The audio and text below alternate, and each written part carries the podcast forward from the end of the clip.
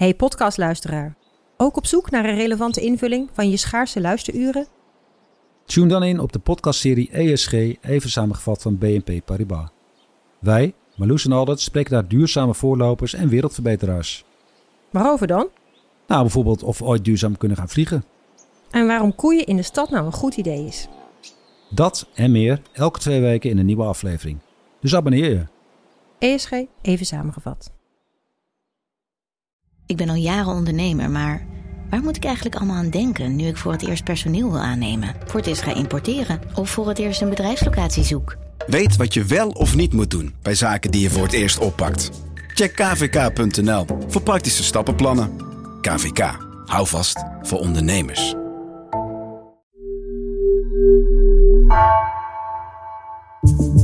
Vanaf de redactie van NRC het verhaal van vandaag. Mijn naam is Egbert Kalsen.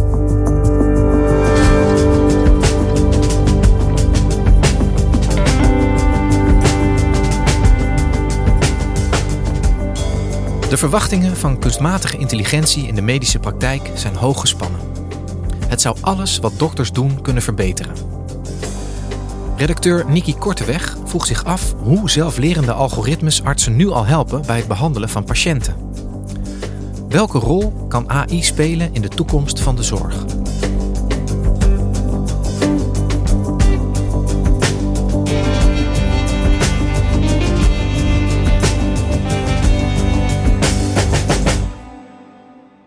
Nicky, jij bent uh, redacteur medische wetenschappen bij ons, bij NRC. Je was hier al, uh, al een paar keer eerder, uh, toen om te vertellen over COVID en vaccinaties. Zeker. Vandaag ben je er voor een heel ander onderwerp. Zorg en de combinatie met kunstmatige intelligentie. Ja. Dat moet je me even uitleggen. Wat hebben die twee met elkaar te maken? Ja, heel veel en in toenemende mate. Die zelflerende kunstmatige intelligentie die is in enorme ontwikkeling in de zorg. Er worden allerlei algoritmes gemaakt die de arts kunnen helpen bij het stellen van diagnoses en uh, behandelingen. En dat is een hele goede zaak, want er is een tekort aan artsen. Artsen worden moe. En ja, zo'n kunstmatig intelligent systeem wordt nooit moe. Uh, die is heel consequent. Die kan doorgaan nachtenlang. het is goedkoper. Je kunt het inzetten in landen waar nog minder dokters zijn. Dus ja, er wordt rijkhalsend uitgekeken naar de hulp van kunstmatige intelligentie. En ik weet dat er ontzettend veel in ontwikkeling is en getest wordt. Maar ik vroeg me af, ja, waar wordt dat nou eigenlijk al gebruikt? Zijn er al ziekenhuizen waar, waar ze dat soort systemen inzetten? Dus ik ben een rondgang gaan maken langs ziekenhuizen waar ze dat gebruiken. En uh, voor die rondgang heb ik een, een patiënt bedacht, een fictieve patiënt, meneer Bakker. En uh, ja, ik ben met hem een route langs de zorg gegaan om te kijken waar, op welke plekken kunstmatige intelligentie al uh, helpt bij het stellen van diagnoses. Ja, en, en jij zegt een fictieve patiënt. Ja. Waarom heb je daarvoor gekozen? Waarom heb je iemand bedacht? Nou, omdat het is nog niet een traject wat een patiënt hier en nu precies zo zal volgen. En ja, een fictieve patiënt geeft mij vrijheid om uh, overal rond te kijken. Want die kunstmatige intelligentie wordt ook nog niet in alle ziekenhuizen overal gebruikt. Dus hè, voor het een moet je naar Eindhoven, voor het andere naar Amsterdam. Dus in, in werkelijkheid zal een patiënt niet deze precieze route van meneer Bakker kunnen volgen. Uh, dus dat geeft wel een beeld van wat er nu al kan, maar ook vooral op wat er in de toekomst aankomt. Waar begint het verhaal van deze, van deze patiënt van jou? Heel plastisch op de wc-pot. Want meneer Bakker die heeft al, al een tijdje last van diarree en verstopping. Dus zijn spijsvertering gaat uh, moeilijker. En uh, hij is moe en hij is afgevallen. En hij vindt op een dag bloed in de wc-pot. En nou, dat baart hem natuurlijk zorgen. Dus wat doet hij dan? Wat we allemaal doen als we klachten hebben. We gaan googlen. En tegenwoordig hebben we ChatGPT. En uh, meneer Bakker vraagt ChatGPT wat hij mogelijk zou kunnen hebben. En, en, en wat zegt uh, ChatGPT tegen onze, onze meneer Bakker? Ja, ik heb dus zijn klachten ingevoerd en, uh, en ChatGPT antwoordde... Ik ben geen arts, maar ik kan je wat algemeen advies geven. Ik raad je aan om zo snel mogelijk contact op te nemen met je huisarts. Het is altijd beter om het zekere voor het onzekere te nemen als het om je gezondheid gaat. Geen woord van gelogen natuurlijk. Nee. Dus meneer Bakker die volgt dat advies op van de chatbot, gaat naar zijn huisarts en uh, ja, waar ChatGPT geen diagnose geeft, kan de huisarts dat natuurlijk wel. En die heeft al sterke vermoedens. Uh, die is bang dat het darmkanker is. En die stuurt meneer Bakker door voor een kijkoperatie in de darmen. En bij die operatie kijkt AI mee. Hoe kijkt AI mee bij zo'n kijkoperatie? Nou ja, zo, bij zo'n kijkoperatie gaat een uh, darmarts met een scope in de endeldarm van de patiënt en de dikke darm. En dat is een, een slang eigenlijk die, die uh, van achteren erin gaat. En uh, daar zit een camera op en er zitten ook allerlei tools op waarmee je kan knippen. En uh, met die camerabeelden kijkt de arts naar onregelmatigheden in de darm. Dus of er plekken zijn die, uh, die er raar uitzien, of er misschien polypjes zijn. Dat kan een voorstadium zijn van darmkanker. En in sommige ziekenhuizen kijkt daar AI bij mee. En die, die geeft dus de arts aanwijzingen van hé, hey, je moet hier ook kijken, hier zie ik iets onregelmatigs. Dan zet hij er een een, een blauw vierkant omheen op het eh, beeldscherm. En hij, hij eh, geeft een paar piepjes van hé, hey, let op, hier, hier zit iets, kijk er even naar. Ja. En, en, en hoe doet zo'n kunstmatige intelligentie dat dan? Hoe herkent die uh, polypen bijvoorbeeld of probleemgebieden in cellen? Nou ja, dat is dus een, een, algoritme. En dat is getraind met heel veel beelden, echt tienduizenden beelden van uh, darmpatiënten. Met daarbij de bijbehorende diagnose. Um, die voer je allemaal in het systeem. En dat systeem kijkt dan waar die op moet letten, bij welke diagnose welke beelden horen. Dus eh, het is een, een eh, systeem wat getraind wordt op, op basis van de gegevens van patiënten waar de, de diagnose al van bekend is. En er is ook uit onderzoek gebleken dat die detectiesoftware in die darmen, uh, dat die polypen in die dikke darm en die endeldarm twee keer minder vaak mist dan een arts. Dus die AI die is dus soms al beter dan de dokter zelf. Dus die, die, die software die helpt heel erg bij het opsporen van die, van die onregelmatigheden, zou ik maar even zeggen, in, in de darmen. Maar die kan op dat moment nog niet zien of iets goedaardig of kwaadaardig is. Nee, als die arts dan in die darmen een polyp ziet of een, uh, een onregelmatig stukje weefsel, dan uh, kan die die polyp wegknippen of zelfs ook een biop nemen uit dat onregelmatig stukje uh, om het te laten analyseren in het lab. En dat gebeurt dus ook bij meneer Bakker. Uh, daar wordt een verdacht stukje darm gezien en uh, de, de arts neemt daar een biopt weg en dat stuurt hij op naar het pathologielab. Maar wat je bij kanker ook vaak ziet, zijn uitzaaiingen. En dat wil je natuurlijk ook weten of, of die er zijn. Dus meneer Bakker moet ook langs de radiologieafdeling om een CT-scan te laten maken. Ze kijken vaak in de buik bij de darmen, maar ook in de longen, omdat daar uitzaaiingen kunnen zitten. En in de radiologie, daar zijn al echt een aantal uh, kunstmatige intelligentie in gebruik. En uh, het gebeurt nog niet in alle ziekenhuizen, maar uh, in gespecialiseerde ziekenhuizen wel. Dus ik ben naar het Antonie van Leeuwenhoek ziekenhuis gegaan in Amsterdam. En daar sprak ik met Regina Beetstan. En zij is hoofd van de afdeling radiologie daar. En radiologen die maken beelden van, van je lichaam, van alle organen die erin zitten. Dus röntgenfoto's, CT-scans, MRI-scans. En daarop kunnen ze dan zien uh, wat er aan de hand is. En in geval van meneer Bakker kijken ze naar onder andere uitzaaiingen in de longen. Op mijn eigen afdeling hebben we er twee. Twee AI-softwares. De ene is voor het ontdekken van long afwijkingen. Dat zijn kleine tumoren. En de andere is voor het ontdekken van uh, longembolieën. En longembolieën, dat zijn bloedpropjes die in de uh, bloedvaten van de longen zitten. Die dat blokkeren, waardoor je daar een infarct krijgt en niet meer genoeg zuurstof kan opnemen. Dat kan heel gevaarlijk zijn, uh, fataal ook.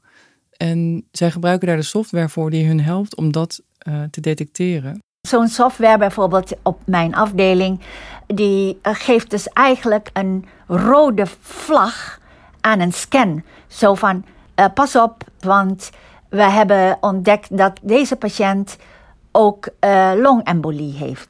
En dat is heel behulpzaam, want patiënten met kanker, die hebben ook een hogere kans op longembolieën.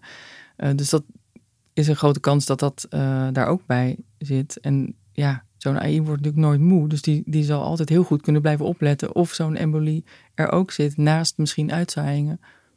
Dus al die scans op die afdeling van, van Regina Beetstan, die worden al bekeken door die AI. En uh, ja, dat is inmiddels echt onderdeel van hun routine. Ja, en, en hoe kan het dat ze bij het Antonie van Leeuwenhoek al zo ver zijn met AI op die radiologieafdeling dan? De radiologie is daar eigenlijk het verst in, omdat zij al twintig jaar lang uh, gedigitaliseerde beelden hebben van al die scans. Die worden digitaal opgeslagen en ook doorgestuurd naar collega's. Hè, als je het wil laten beoordelen door een tweede radioloog. Um, dus daar is een schat aan digitale informatie waarmee je zo'n algoritme kan trainen. Dat is waarom AI ons goed kan helpen. Want AI kan bijvoorbeeld routinezaken voor de radioloog meekijken en de radioloog kan zich dan concentreren op de zaken die wat complexer zijn. Dus dat is de reden waarom radiologie de AI heeft omarmd. En, en uh, onze meneer Bakker, die hebben we in de CT-scan uh, geschoven. Wat, uh, wat kwam er uit bij hem? Ja, nou, voor hem was het goed nieuws. geen uitzaaiingen. Nee. Dus Heb ik er maar van gemaakt. Ja, ja en jouw, jouw fictieve meneer Bakker is, is kankervrij. In ieder geval longkankervrij in dit geval. Van, van onze meneer Bakker weten we nog niet hoe het met dat weefsel is wat uit zijn darm is, is gehaald. Of dat goed of kwaadaardig nee, is. Nee, precies. Dus die, die darmkanker, die, die moet nog bevestigd worden. En dat doet de patholoog. Uh, dat weefsel wordt opgestuurd en het wordt in plakjes gesneden, hele dunne plakjes. Die worden op een microscoopglaasje geplakt, die worden aangekleurd met een roze kleurvloeistof. En dan onder de microscoop bekeken uh, of daar onregelmatige dingen in zijn. Dat doet een patholoog. En uh, ja, wat hij dus de hele dag onder zijn microscoop ziet, is een zee van roze cellen. En daarin moet je dan zien of er misschien een groepje cellen is wat er anders uitziet. Misschien een andere kleur heeft of een andere vorm. Nou, dat is echt heel ingewikkeld werk natuurlijk. Ja, klinkt ook als een klusje voor uh, AI zou Bij zeggen. uitstek een klusje voor AI, want een patholoog wordt moe en uh, die, die, kan zijn dag niet hebben. Dus vaak kijken er ook twee pathologen mee. Als het onduidelijk is, kijkt er sowieso een tweede mee. Maar ja, er zit nogal wat variatie in per dag en tussen pathologen in wat voor diagnose ze stellen. Uh, dus dat zou met AI veel beter kunnen gaan. En om te horen hoe ver dat nou staat in de pathologie, ben ik langs gegaan bij uh, Hugo Horlings, patholoog in het Antonie van Leeuwenhoek ziekenhuis. Hij werkt daaraan uh, AI, die kan helpen bij het beoordelen van die biopten. En hij staat echt te springen om dit soort AI, want uh, die hulp is heel hard nodig. Er zijn veel te weinig pathologen en heel veel weefsels te beoordelen. Er zijn in Nederland 350 pathologen. er zijn per jaar 120.000 nieuwe patiënten met kanker. En die moeten allemaal gediagnosticeerd worden. En daarvoor doen we een miljoen uh, weefselsmonsters bekijken we. En die werkdruk is dus heel erg hoog. En daardoor kan dus de computer ondersteunen bij het versnellen uh, van die diagnose. Dus een patholoog die bekijkt zo'n plakje onder de microscoop en die kan zien of er sprake is van kanker of niet, uh, welke vorm van kanker, en welke fase van kanker die zit. Er zijn vaak allerlei uh, gradaties van, van mild tot heel ernstig. En op basis daarvan heb je natuurlijk ook een andere behandeling nodig. En de hoop is dat die kunstmatige intelligentie daar in de zorg heel veel uh, bij kan gaan helpen. Want er zijn al heel veel verschillende algoritmes gemaakt voor allerlei soorten kanker. En die, dat is allemaal nog in de onderzoeksfase, maar die presteren vaak al veel beter dan uh, pathologen. En, en hoe is het afgelopen met het weefsel van, eh, van onze meneer Bakker? Zijn zijn cellen kwaadaardig? Die zijn beoordeeld en ze zijn kwaadaardig, dus hij moet een eh, behandeling ondergaan. Ja. Wat gebeurt er vervolgens met hem? Zet pathologie ook al AI in bij de behandeling die hij nodig heeft? Hoorlings die, die werkt aan AI die kan vertellen of een patiënt baat zal gaan hebben bij een behandeling of niet. En daarmee kunnen we dus uh, eerst de potentie dat de uh, computer beter de patronen herkent tussen patiënten die um, bijvoorbeeld baat hebben bij een bepaalde behandeling en anderen niet. Uh, daardoor kan je dus efficiënter en effectiever de behandeling inzetten. Dus ja, als, als je dan AI hebt die kan zeggen, ja, bij deze patiënt moet je dit middel geven en bij deze patiënt heeft dat geen zin, dat zou echt fantastisch zijn. En Hoorlings verwacht dat binnen drie jaar de eerste diagnostische AI al in de pathologiepraktijk gebruikt gaat worden. Uh, voor die uh, voorspelling welke behandeling zal aanslaan, dat zal wel echt nog veel meer tijd nodig hebben. AI in de toekomst gaat ons uh, een behandeling op maat voor, geven. waarin wij als dokters dan daarmee akkoord gaan of niet, of dat iets aanpassen.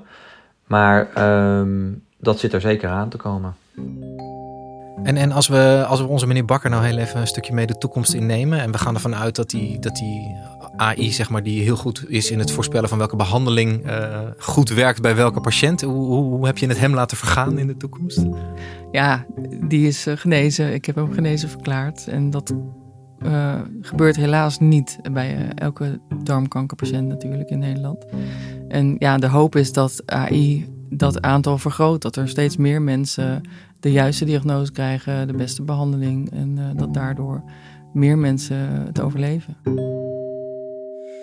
Nicky, het klinkt, uh, het klinkt veelbelovend, de, de impact van, uh, van kunstmatige intelligentie in de zorg. Um, als, we, als we iets verder uitzoomen, hè, jij noemt een aantal hele specifieke terreinen waar het nu al gebruikt wordt. Tegelijkertijd er zijn nog veel meer terreinen in de zorg waar, waar het nog niet heel erg is doorgedrongen. Waarom wordt het niet al veel meer gebruikt?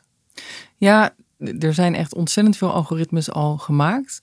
Maar het grootste probleem is eigenlijk dat veel van die algoritmes die worden natuurlijk getraind met grote datasets van patiënten. Maar dan moet je kijken of die, datzelfde algoritme ook werkt in een andere bevolkingsgroep, in een ander land, bij andersoortige patiënten. Dat heet valideren van het algoritme. En ja, daar loopt het vaak nog op vast, omdat die datasets er niet zijn, of omdat onderzoekers ze wel hebben, maar ze niet willen delen. Er is natuurlijk ook competitie in het wetenschappelijke veld. En een van de oplossingen die daarvoor onderweg is, is een, is een groot Europees project. Waarbij uh, ziekenhuizen in heel veel Europese landen hun beelden delen in een hele grote database. Daar komen dan 60 miljoen beelden in. Uh, en die kun je dan gebruiken om jouw algoritme te valideren. En dat, dat zijn dan gegevens van heel veel verschillende soorten mensen uit alle uithoeken van Europa. En dat zal de boel wel versnellen, is de verwachting. En een ander belangrijk punt waar alle onderzoekers die ik sprak ook heel erg op hamerden, is vertrouwen. Uh, vertrouwen in dat algoritme natuurlijk. Uh, vertrouwen in elkaar om die data te delen. Het vertrouwen van patiënten in het systeem of op de, op de diagnoses. Ja, het is natuurlijk heel fijn als een computer, in dit geval een kunstmatige intelligentie, ons kan helpen zeg maar, bij die diagnoses. Maar het heeft ook iets ongemakkelijks dat we steeds meer afhankelijk worden eigenlijk van een oordeel van een computer. Hè? Het gaat uiteindelijk wel over, over leven en dood. Hoe, hoe, leeft dat een beetje in de, in de medische wereld, dat debat? Ja, dat, dat leeft enorm. En de medische wereld is natuurlijk ja, conservatief en, uh, en met recht, denk ik ook. Je moet natuurlijk 100% zeker zijn dat je erop kan vertrouwen. En ja, het is nog steeds wel een beetje de vraag natuurlijk hoe je zo'n algoritme dan inzet. Ik zei eerder al, als je een, een, moeilijke diagnose stelt, dan haal je altijd een tweede patholoog erbij of een tweede radioloog. Ja, is die AI dan die tweede? Of uh, gebruik je nog steeds die twee en is de AI de derde? Of vertrouw je er misschien op dat die AI een deel van de diagnoses gewoon zelf doet en alleen de moeilijke gevallen doorstuurt? Maar dan moet je natuurlijk wel zeker weten dat die inderdaad alle moeilijke gevallen doorstuurt. Ja.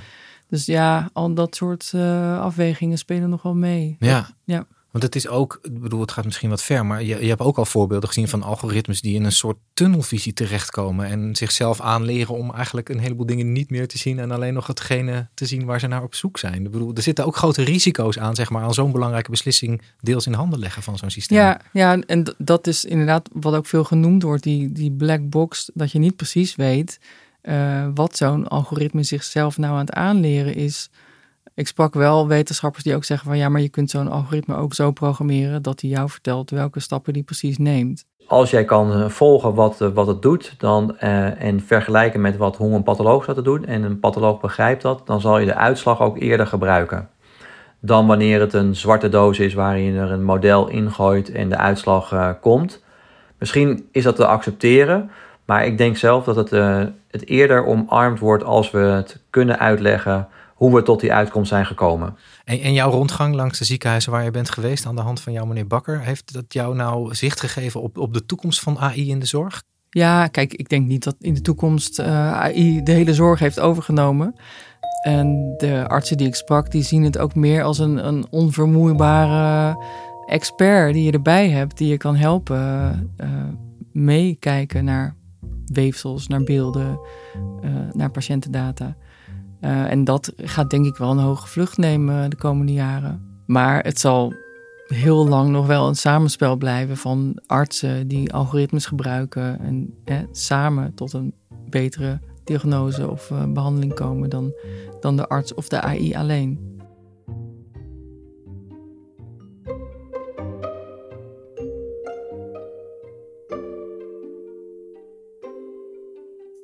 Dankjewel, Nicky. Graag gedaan.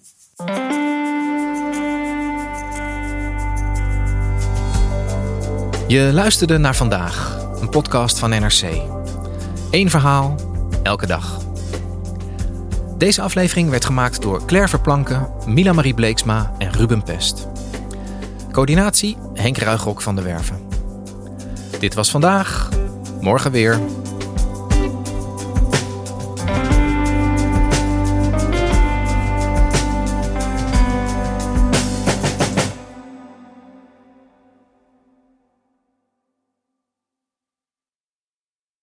Voorkom dat je vermogen verdampt op je bankrekening. Beleg bij Bridgefund in kortlopende leningen aan Nederlandse MKB'ers. Inleg vanaf 100.000 euro en rendement tot wel 5,25% per jaar. Bridgefund. Make money smile. Let op, u belegt buiten AFM-toezicht. Geen prospectusplicht voor deze activiteit.